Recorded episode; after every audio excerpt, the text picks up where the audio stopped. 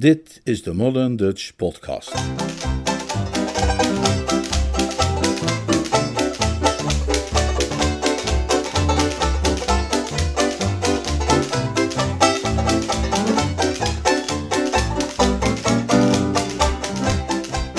Een man van eer.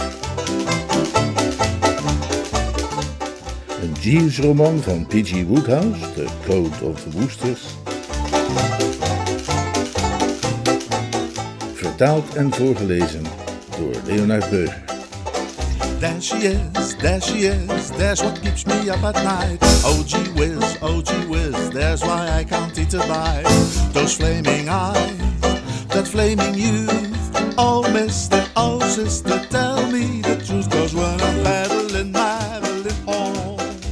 Gee, when I'm paddling, Hoofdstuk paddling 14a.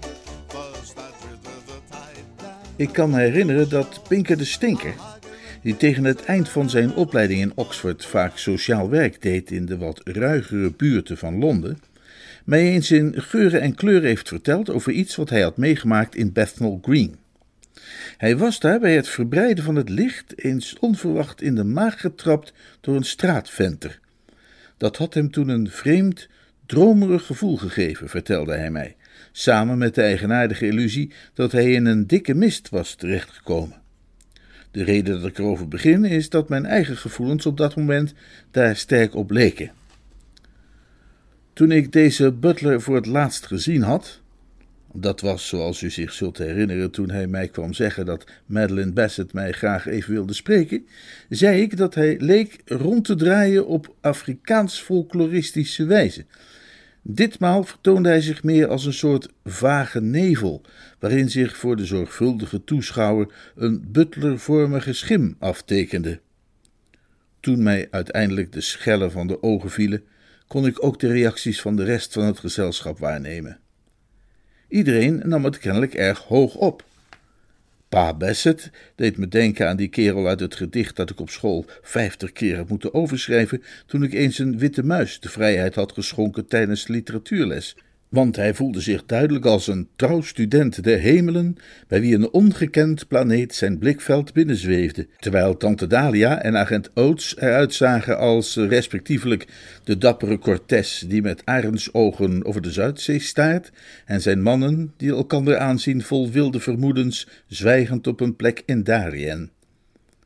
Het duurde nogal een poosje voordat er zich iemand verroerde, maar toen sprong agent Oates naar voren met de verstikte kreet van een moeder die voor het eerst haar lang verdwenen kind terugziet.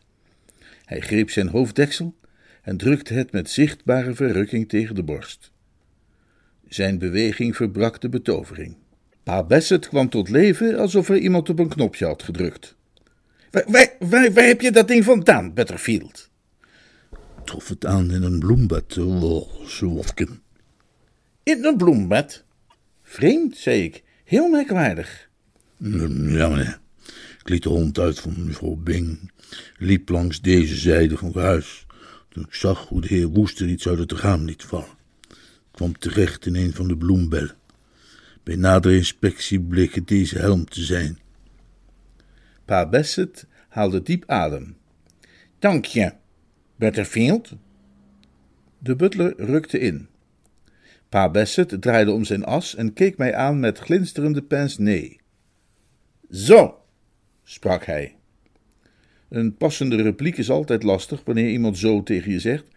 Ik bewaarde dan ook wijselijk het zwijgen. Dat moet een vergissing zijn, nam tante Dalia het woord voor de verdediging met een onverschrokkenheid die haar sierde. Waarschijnlijk kwam dit uit een ander raam. Dat is in het duister heel lastig uit elkaar te houden. Ha! Het kan ook zijn dat hij liegt. Ja, dat lijkt mij een plausibele verklaring. Volgens mij zit het zo. Die Butterfield van jou is de schuldige. Hij heeft die helm gestolen. En omdat hij beseft dat de jacht op de dief is ingezet. en hij elk moment ontmaskerd kan worden. besluit hij een slim spelletje te spelen. en de schuld af te schuiven op Bertie hier. Denk je ook niet, Bertie? Het zou me niets verbazen, tante Dalia. Het zou me helemaal niets verbazen. Ja, zo moet het gegaan zijn. Dat wordt elk moment duidelijker. Die butlers met hun vrome gezichten zijn voor geen cent te vertrouwen. Nee, voor geen cent. Ik vond de hele tijd al dat hij zo stiekem keek. Vond ik ook. Ah, Jo was het dus ook opgevallen? Van meet af aan. Hij doet mij denken aan die Murgatroyd. Herinner jij je die Murgatroyd nog, die we Brinkley hadden, Bertie? Uh, die kerel die er was voor Pomeroy, een uh, beetje, beetje stevige kerel. Precies, die. Hij had een gezicht als een bovengemiddeld eerbiedwaardige bisschop. We zijn er allemaal in getrapt, in dat gezicht. We vertrouwden die man onvoorwaardelijk. En wat bleek uiteindelijk? Had een vislepel gepikt en naar de Lombard gebracht om op de honden te kunnen wedden. Ah, die Butterfield is een tweede Murgatroyd. Misschien wel familie. Zou me niets verbazen. Maar goed, dat hebben we dus duidelijk en Bertie gaat vrij uit. Zonder de geringste smet op zijn blazoen. En dan nu misschien maar naar bed allemaal? Het wordt al aardig laat en als ik mijn acht uurtjes niet krijg ben ik straks geen mens. Ze had kans gezien met haar hele verhaal zo'n plezierige atmosfeer te scheppen van oude jongens krentenbrood en ach laat me zitten ook, dat het beslist een schok voor me was om te merken dat pa Bassett er nog altijd heel anders over dacht. Hij sloeg meteen weer een nijdige toon aan.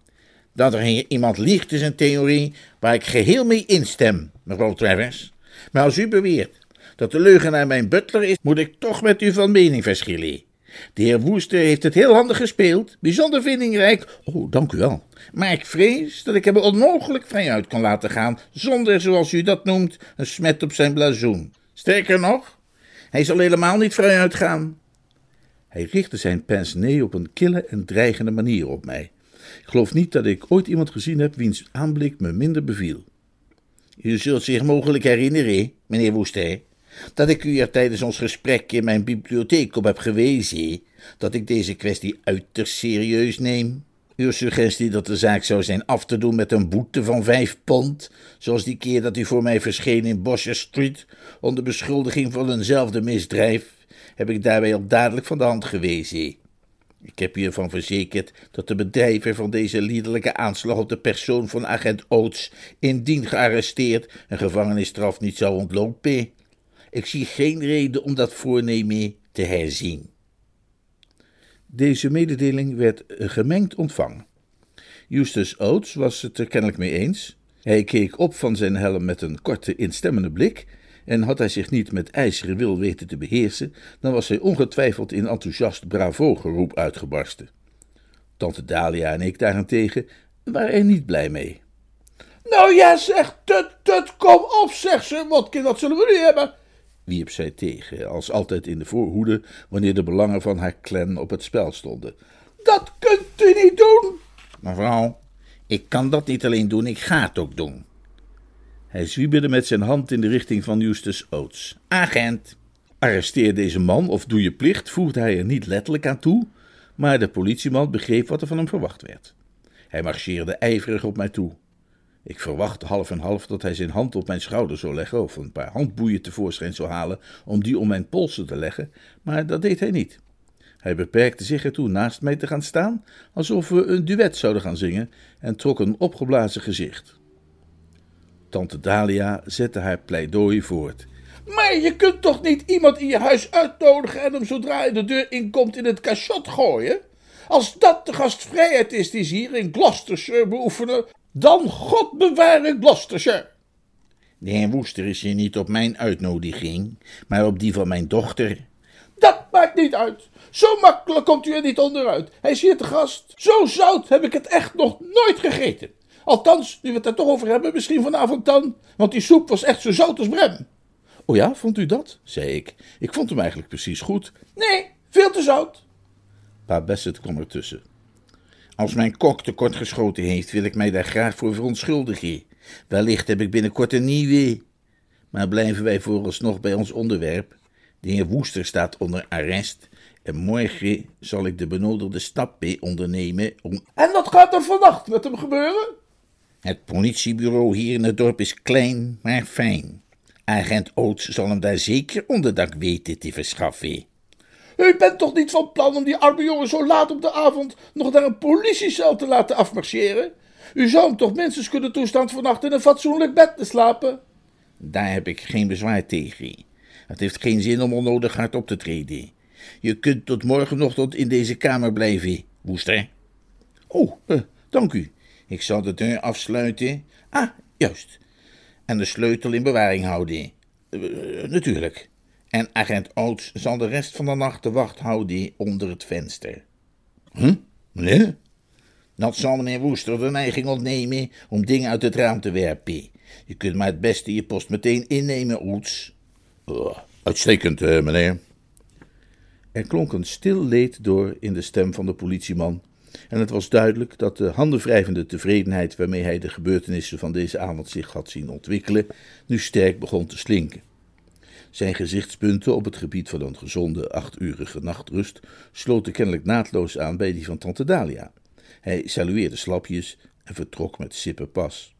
Hij had zijn helm terug, maar het was duidelijk dat hij zich begon af te vragen of helmen wel werkelijk zo essentieel waren. En dan zou ik nu graag, als u het niet erg vindt, mevrouw Treffers, een kort gesprekje met u willen voeren onder vier ogen. Ook zij tijden af en ik bevond mijzelf alleen. Ik geef graag toe dat mijn stemming, nadat de sleutel in het slot was omgedraaid, niet al te florissant was.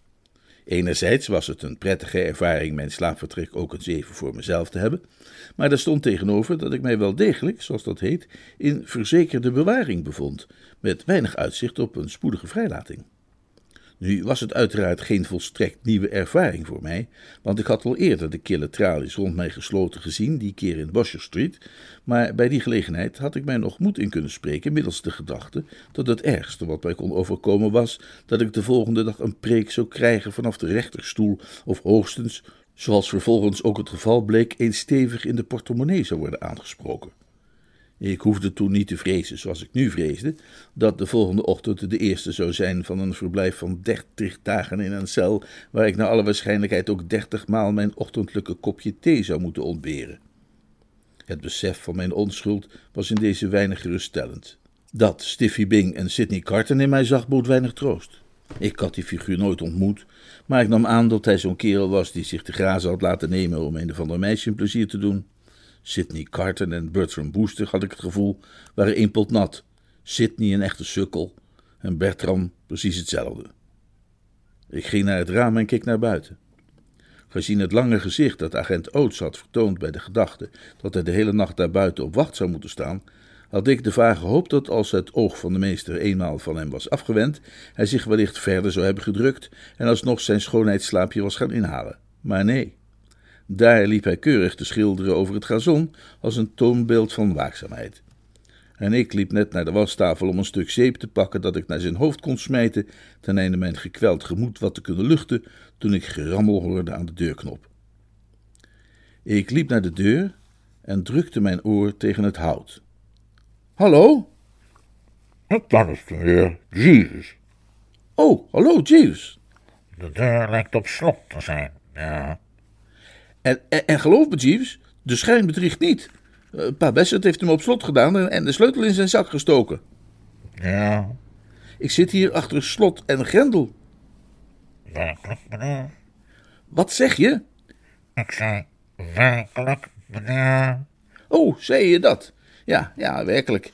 En, en ik zal je zeggen waarom. Ik gaf hem een resume van het gebeurde. Het was niet makkelijk te horen dwars door die deur, maar ik geloof dat mijn verhaal een respectvol tut-tut opriep. Bijzonder ongelukkig, meneer. Ja, bijzonder. Maar, Jeeves, wat heb jij voor nieuws? Ik heb getracht meneer Spoon te lokaliseren, meneer. Maar hij is een wandeling gaan maken en zal ongetwijfeld spoedig terugkeren. Op dit moment hebben we hem gelukkig niet nodig. De situatie heeft zich razendsnel zo ontwikkeld dat Spoot ons even niet van dienst kan zijn. Verder nog iets gebeurd aan jouw kant? Ik heb enkele woorden gewisseld met mevrouw Bing. Ja, daar zou ik zelf ook wel eens even een woordje mee willen wisselen. En, en wat zei ze? De jonge dame was bijzonder aangedaan, meneer. Daar Sir Montken zijn veto heeft uitgesproken over haar verbintenis met de eerwaarde heer Pinker. Mijn hemel, Jeeves, hoe dat zo? Sir Watkin heeft kennelijk aanstoot genomen aan de rol die de heer Pinker heeft gespeeld in de ontsnapping van de onbekende die de romkoe had ontvreemd. Waarom heb jij het over een onbekende? Uit voorzichtigheidsoverwegingen, meneer. De muren hebben oren. Ik snap wat je bedoelt. Heel wijs, Jeeves. Dank u, meneer. Ik peinsde even over deze jongste ontwikkeling. Er waren deze avond nogal wat ongelukkige harten in Gloucestershire. en ik voelde een scheut van medelijden. Ondanks het feit dat het geheel en al Stiffy's schuld was dat ik op dit moment behoorlijk in de penarie zat, had ik het beste voor met de jeugdige patiënt en treurde ik met haar in haar uren van treurnis. Dus nu heeft hij zowel Stiffy's als Gussie's liefdesleven ondermijnd? Die oude basserol heeft wel wild om zich heen geslagen vanavond, Jeeves. Ja, meneer. En er valt helemaal niets aan te doen voor zover ik het kan zien. Kan jij zien of er iets aan te doen valt, Jeeves? Nee, meneer. En als we even een ander aspect van de zaak beschouwen. Jij hebt zeker nog geen direct plan kunnen bedenken om mij hier uit te helpen, is het wel? Nog niet volledig uitgewerkt, meneer. Ik speel met een bepaalde gedachte. Speel door, Jeeves, speel door. Op dit moment is mijn plan nog wat te weinig omlijnd. Het vereist de nodige subtiliteit, neem ik aan? Ja. Ik schudde het hoofd. Pure tijdsverspilling in feite, want ik kon me niet zien. Maar goed, ik schudde het toch. Het is zinloos om subtiel en geraffineerd te werk te willen gaan deze keer, Jeeves. Wat nu nodig is, is snelle actie. En ik moet daarbij ergens aan denken. We hadden het pas nog over die keer dat Sir Roderick Glossop gekerkerd zat in dat tuinschuurtje, waarbij agent Dobson alle uitgangen bewaakte. Weet jij nog welke oplossing Pa Stoker had voor die situatie? Om ik me juist herinner, meneer, adviseerde de heer Stoker een fysieke aanval op de politiefunctionaris. Hengst hem voor de kop met een spa, was naar ik meen zijn formulering op dat moment. Correct, Jeeves. Dat waren letterlijk zijn woorden. En hoewel wij dat idee destijds hebben afgewezen, geloof ik nu achteraf dat hij daarmee toonde over een aanzienlijke hoeveelheid gezond verstand te beschikken. Dat soort praktische, maatschappelijk succesvolle types heeft effectieve gewoonte om recht op zijn doel af te gaan en, en, en bijzaken te laten voor wat ze zijn. Agent Oates staat op wacht onder mijn raam.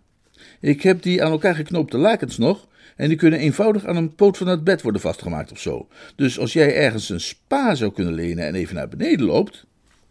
Ik vrees, meneer, Kom op, Jeeves, dit is geen tijd voor nolle prosequi.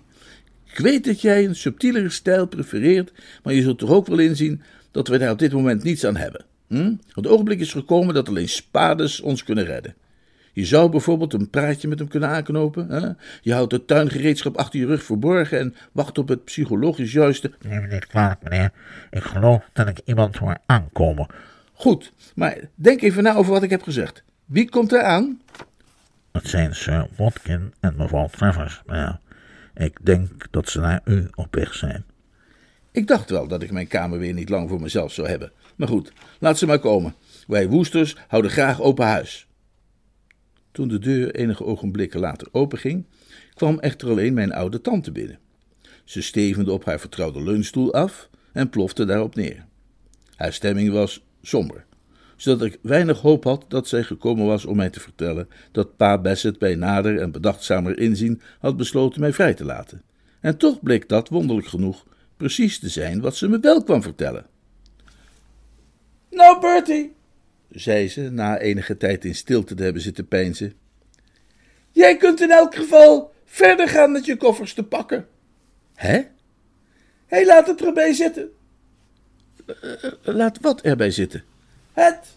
Hij zal je niet vervolgen. U bedoelt dat ik niet de bak indraai? Nee. Dat ik zo vrij ben als een vogeltje, zeg maar? Ja. Ik was zo druk bezig met innerlijk te juichen, dat het enige tijd duurde voordat ik ertoe kwam op te merken dat mijn geestelijke rondedans niet werd gedeeld door mijn bejaarde bloedverwant. Zij zat daar nog steeds even somber en mies, en ik keek haar aan met licht verwijt. U schijnt er niet erg blij om te zijn. Oh, maar ik ben uh, opgetogen. Nou, daar merk ik anders niet veel van, zei ik wat koeltjes. Ik zou gedacht hebben dat als een neef, om zo te zeggen, aan de voet van de galg genade kreeg, dat wel aanleiding zou zijn tot wat vreugdesprongen. Een diepe zucht ontsnapte haar. Weet je, Bertie, probleem is dat er een fikse adder onder het gras schuilt. Die oude aasgier heeft een voorwaarde gesteld. Welke? Hij wil Anatol hebben. Ik staarde haar aan. Hij wil Anatol? Ja, dat is de prijs voor jouw vrijheid. Hij zegt dat hij geen aanklacht tegen jou in zal dienen als ik Anatol aan hem afsta, de smerige oude chanteur. Haar gelaatstrekken verkrampten pijnlijk. Het was nog maar kort geleden dat zij in lovende termen had gesproken over chantage als een onderhandelingstechniek die zij van harte zou inzetten. Maar wil je van chantage kunnen profiteren, dan moet je natuurlijk wel aan de juiste kant van de tafel zitten. Aan de passieve kant, om zo te zeggen, in plaats van aan de actieve, voelde zij zich aanzienlijk minder thuis. Zij leed. Ik voelde mezelf ook niet al te vrolijk. In de loop van dit verhaal heb ik zo af en toe al eens gelegenheid gehad om iets te laten doorklinken van mijn bewondering voor deze Anatole. De man is een weergaloos kunstenaar en u zult zich herinneren hoe geschokt ik was toen mijn bloedverwante mij vertelde hoe Sir Watkin Bassett tijdens een verblijf op Brinkley Court al eens eerder op laaghartige wijze had geprobeerd hem uit haar entourage los te weken. Geschokt was ik geweest tot op mijn grondvesten. Het is uiteraard lastig om duidelijk te maken aan mensen die nooit de creaties van deze tovenaar hebben mogen proeven, wat de betekenis is van alles wat hij bakt en braadt voor degenen die wel dat voorrecht hebben gehad. Ik kan alleen maar zeggen dat wie ooit ook maar een hap genomen heeft van een van zijn gerechten, vanaf dat moment het gevoel heeft dat het leven verder zonder poëzie en zonder inhoud zal zijn wanneer er geen uitzicht meer bestaat op meer van die hemelse spijs. De gedachte dat tante Dalia bereid was om deze wonderman op te offeren, alleen maar om een neef gevangenschap te besparen, was een gedachte die mij diep trof en innerlijk bewoog. Ik geloof niet dat ik ooit op enig ander moment zo diep ontroerd ben geweest. Ik staarde haar aan met tranen in de ogen. Zij deed mij denken aan Sidney Carton. Was u werkelijk van plan om Anatole op te offeren ten behoeve van mij? vroeg ik met stokkende adem. Maar natuurlijk! Maar natuurlijk niet, zult u bedoelen. Daar wil ik niets van horen. Maar jij kunt toch niet in de gevangenis gaan zitten? O jawel. Als dat betekent dat die onovertroffen maestro zijn werk voort kan zetten achter uw fornuis, dan kan ik dat heel goed. Er valt niet aan te denken dat u aan pa Bassett's eisen voldoet. Bertie, meen jij dat werkelijk? En of ik dat meen. Wat zijn nu helemaal dertig dagen achter de deur? Huh? Een bagatel, daar draai ik mijn hand niet voor om. Laat die Bassett maar opkomen.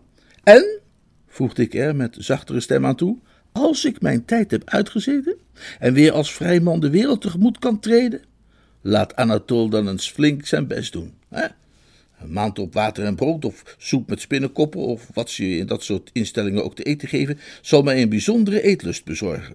Op de avond dat ik vrijkom, verwacht ik natuurlijk wel een diner dat zal voortleven in balladen en legenden. Dat zul je krijgen. Misschien kunnen we daar nu vast wat ideetjes voor bij elkaar zetten. Ik zou geen beter moment weten. Beginnen we met een caviar of met meloen? Caviar en meloen, gevolgd door een versterkend soepje. Helder of gebonden? Helder. Je bent toch niet Anatols velouté of fleur de courgette vergeten? Geen ogenblik. Maar wat zegt u van zijn uh, consommé au pomme d'amour? Hmm, misschien heb je gelijk. Ik dacht het wel. Ja, nee, ik weet het, ik weet het wel zeker. Ik laat het opstellen van het menu, maar liever aan jou over. Dat is waarschijnlijk het verstandigste. Ik nam pen en papier en een minuut of tien later kon ik haar het resultaat overhandigen.